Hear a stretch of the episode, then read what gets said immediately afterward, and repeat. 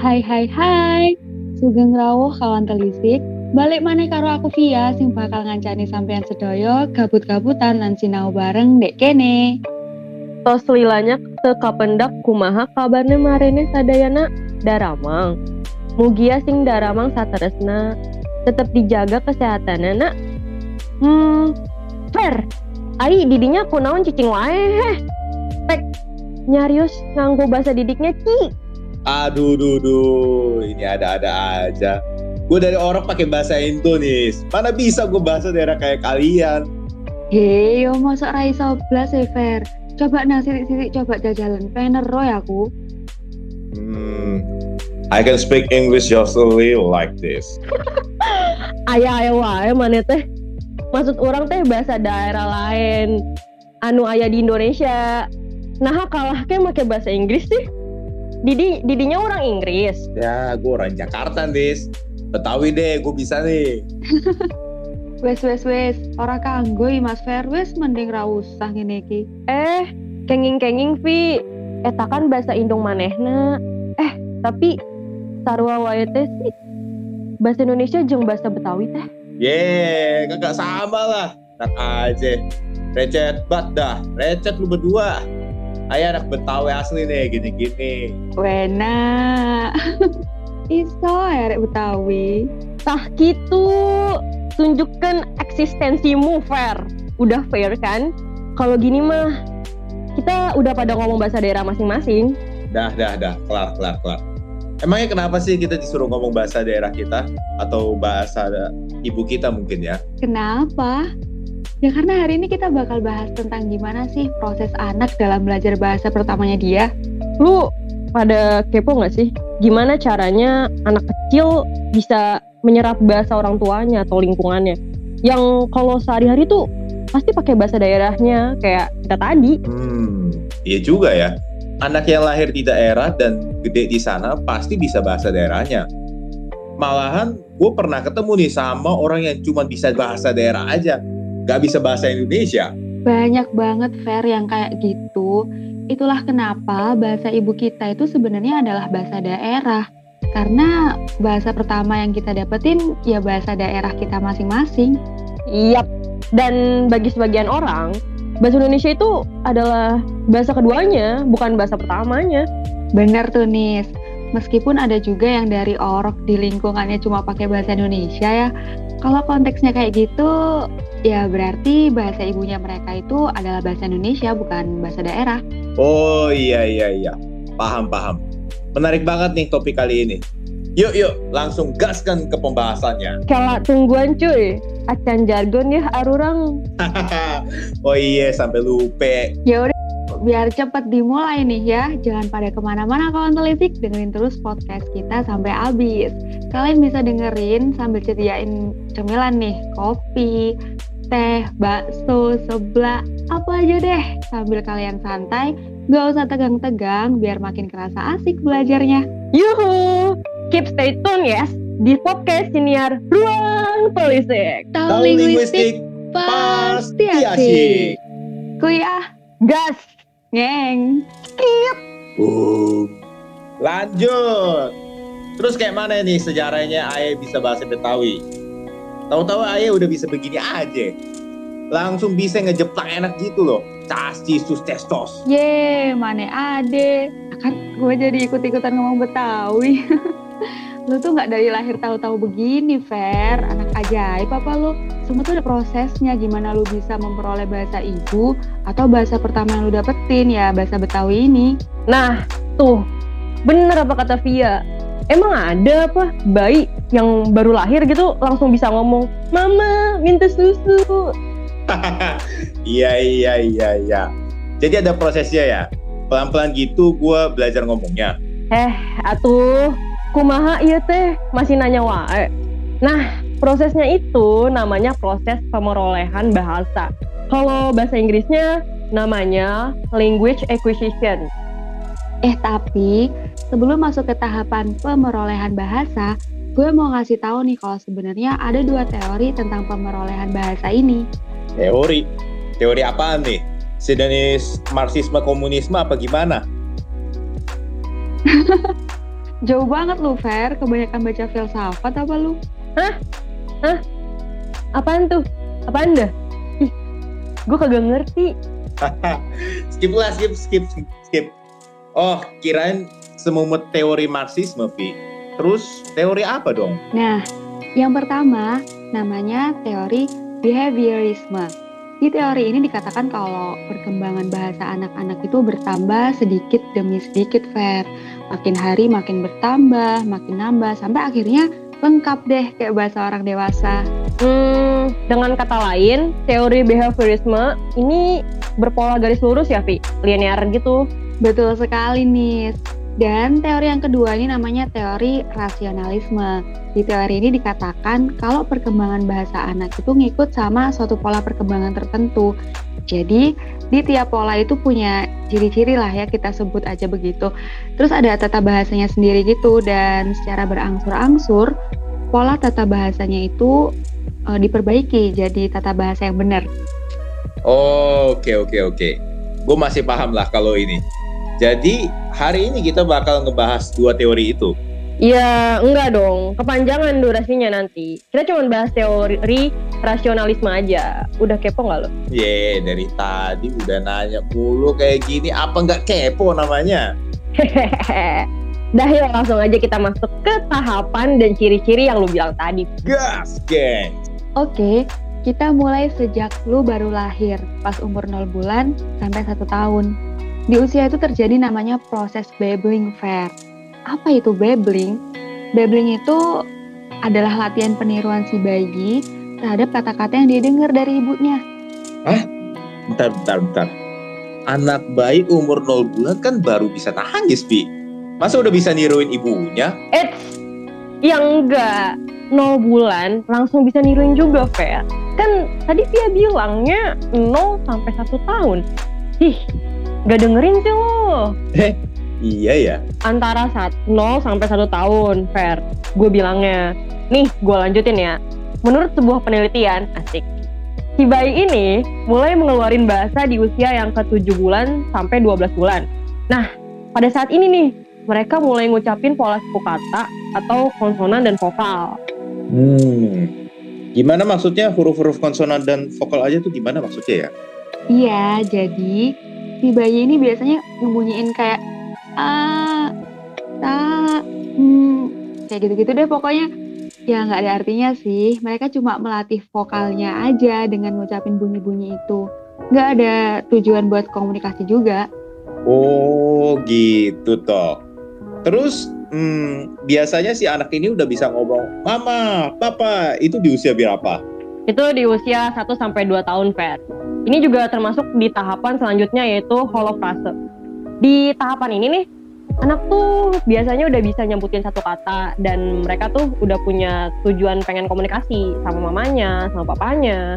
Kata-kata yang disebutin itu kayak cucu yang minta susu, mama manggilin mamanya, papa panggilin kakaknya, nana kayak nanya gitu, mana gitu. Banyak deh Fer, lu perhatiin deh. Makanya kalau ada anak kecil lagi ngomong tuh lu perhatiin. Yeah. Perhatiin mah, merhatiin gue nih. Cuman gue kagak ngerti yang dimaksud mereka tuh apaan. Itu dia. Emang kedengarannya nggak berarti apa-apa sih buat orang dewasa.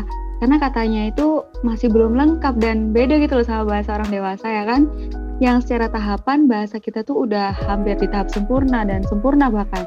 Makanya kita perlu ngerti konteks juga nih si anak nunjuk apa atau dia pengen apa gitu ya yang ada di sekitarnya supaya ini memudahkan kita juga buat ngerti maksud dia itu apa. Wih, boleh nih, boleh. Nice tips, Wi. Mantap jiwa. Kadang di usia segitu anak-anak juga nyebut nama binatang kayak suara yang dikeluarin binatang itu. Ini disebutnya anamatopeia. Misalnya nih, anak-anak nyebut suara kodok, wewek, wewek. Karena kodok tuh ngeluarin suara kayak gitu. Kalau ada sepupu gue nih bilang kucing tuh meong nih. itu anamatophea juga. Nah, iya betul tuh. Tuh, Fer. Tumben. Ye, lu gampang nih. lanjut lah, lanjut ya. Apalagi nih? Ya, yang selanjutnya nih di usia 2 sampai dua setengah tahun.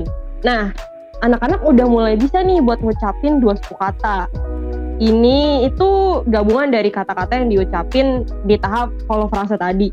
Kayak macu, artinya apa tuh Fer? Tahu gak lo? Apa-apa? Macu? Iya, macu. Apa coba? Oh, mama minta susu. Ya, ya, ya, ya. Itu kan maksudnya ya?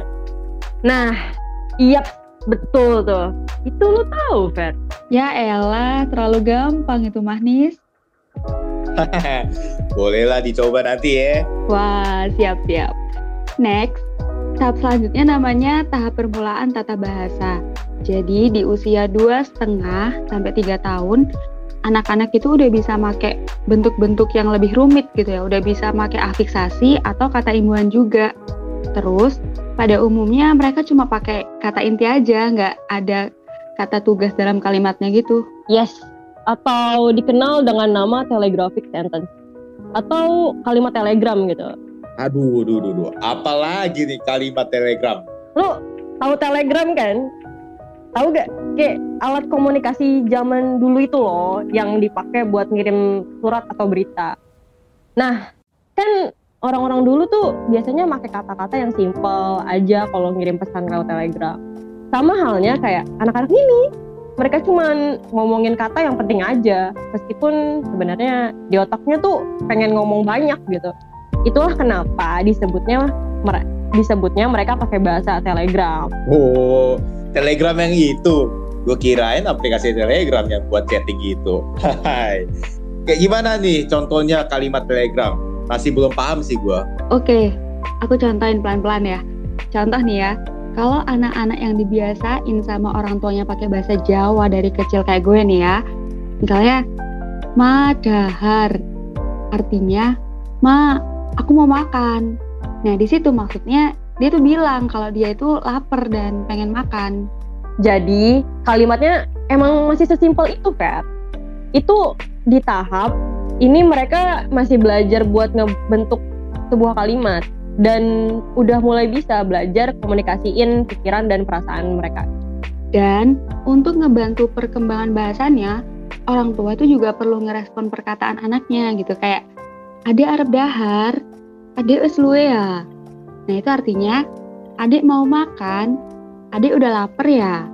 Nah pokoknya sebisa mungkin orang tua itu harus ngembangin lagi deh kalimat dia supaya dia bisa nangkep gimana sih ekspresi-ekspresi lain buat ngungkapin kalau dia lagi lapar gitu. Hmm, I see, I see.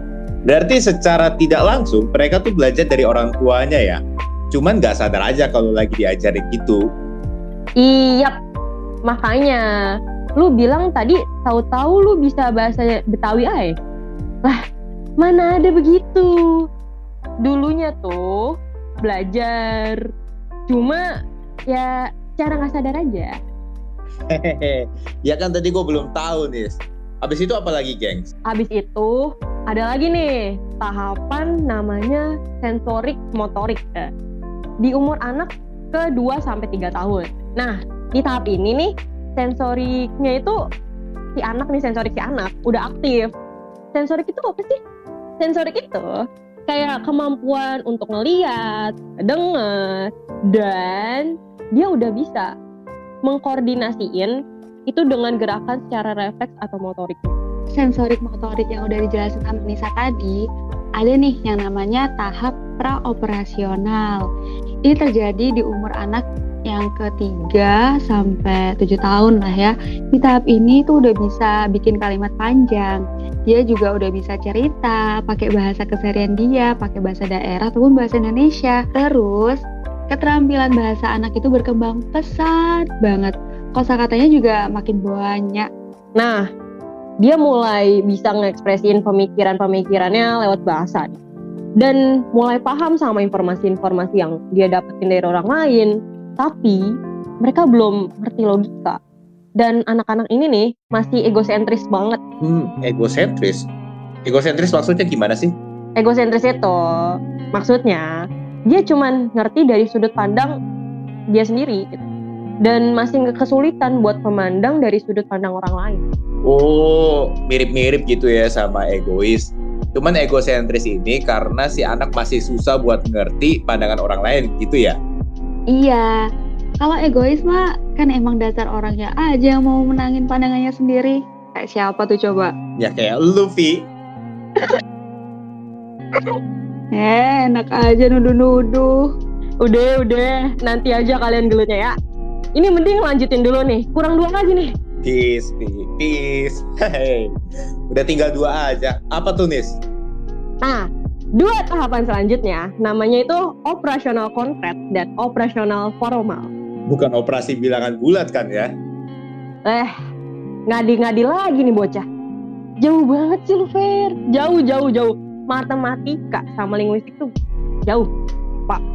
Capek deh. Ya, maaf deh, maaf. Terus apa dong operasi konkret sama formal gitu? Nah, di tahap operasi konkret ini, pola pikir anak tuh udah terorganisasi. Mereka juga udah berpikir logis dari sebelumnya. Egosentrisnya juga udah berkurang dan udah mulai bisa paham sama pandangan orang lain. Hmm, gue tebak nih ya, ini pasti di usia anak-anak SD ya? Tepat banget tebakan lu, Fer. Umumnya ya, di usia yang ke-6 sampai 12 tahun. Anak-anak umur segitu itu juga udah bisa nyelesain perhitungan matematika loh. Kayak dulu pas kita SD, pada inget gak nih? Kita udah bisa menimbang-nimbang benda, mengorganisir dirinya dengan kegiatan piket di kelas, dan masih banyak lagi deh tentunya. Nah, sekarang kita masuk ke tahap terakhir nih, yaitu tahap operasional formal. Nah, di tahap yang di tahap ini nih terjadi saat umur 12 sampai kita dewasa. Nah, di tahap ini kita udah bisa memahami gagasan-gagasan yang abstrak, bisa menalar hipotesis dan juga bisa nyimpulin sesuatu dari apa yang diperoleh secara logis. Hmm, tahap operasional formal ini sampai kita dewasa. Maksudnya sampai kayak gua sekarang gini maksud lo ya? Iya lah, Fer, mau apa lagi? Makanya di tahap ini kita juga udah mengenal cinta, asik. Udah ngerti bukti logis dan nilai-nilai sosial tentunya. Kita nggak ngelihat sesuatu itu dalam hitam dan putih aja, melainkan kita udah bisa nih menemukan gradasi abu-abu di antara kedua itu. Yap. Dan kalau dilihat dari segi biologis nih, tahap operasional formal ini juga menandakan si kecil yang udah masuk ke dunia dewasa. Secara fisiologis, kognitif, penalaran moral, psikoseksual, dan perkembangan sosialnya. Nah, begitu tahap-tahapannya Bapak Ferdi. Jelas apa jelas penjelasan kita dari tadi nih? Wih, jelas banget dong Vi. Nih, mantap banget nih. Lalu, apakah Anda ada yang mau ditanyakan saudara Ferdi? Sebelumnya saya tetap presentasi kita pada pagi hari ini dulu ya. Kuliah vibes ya, Nis. Ish, jangan gitu dong. Kalau kuliah nanti malah berasa tegang ya kan. Kita kan cuma ngobrol santai aja di sini. iya ya. Ya udah deh, ya udah. Ada yang mau ditanyain nggak Fer? Hmm, ada sih. Gue punya pertanyaan nih. Hmm, apakah itu saudara Ferdi? Hmm, hmm. kalau dari tahapan pertama yang namanya babbling, kalau nggak salah ya, sampai tahap terakhir operasional formal. Nah, kan dari tahapan itu kita memperoleh bahasa ibu kita yang mana adalah bahasa daerah kita masing-masing. Terus, bahasa Indonesia yang kita kuasai sekarang, apakah melalui tahapan itu juga atau enggak? Very good question, Fred. Nih, gue jawab ya. Bahasa pertama kita adalah bahasa ibu atau bahasa daerah kita. Semua itu melalui proses pemerolehan. Lewat tahapan-tahapan mulai dari babbling sampai op operasional formal. Nah, bahasa Indonesia bagi sebagian orang kan adalah bahasa kedua. Yang mana dia nggak melalui proses pemerolehan itu dong. Tapi bahasa Indonesia itu bisa kita kuasai melalui proses pembelajaran bahasa namanya. Oh, beda proses gitu maksudnya ya? Iya beda dong. Kalau proses pemerolehan itu kita lakukan secara nggak sadar. Kalau kita lagi diajarin sama orang tua kita nih misalnya. Tapi kalau proses pembelajaran itu dilakukan secara sadar untuk mempelajari kaidah-kaidah kebahasaan Indonesia.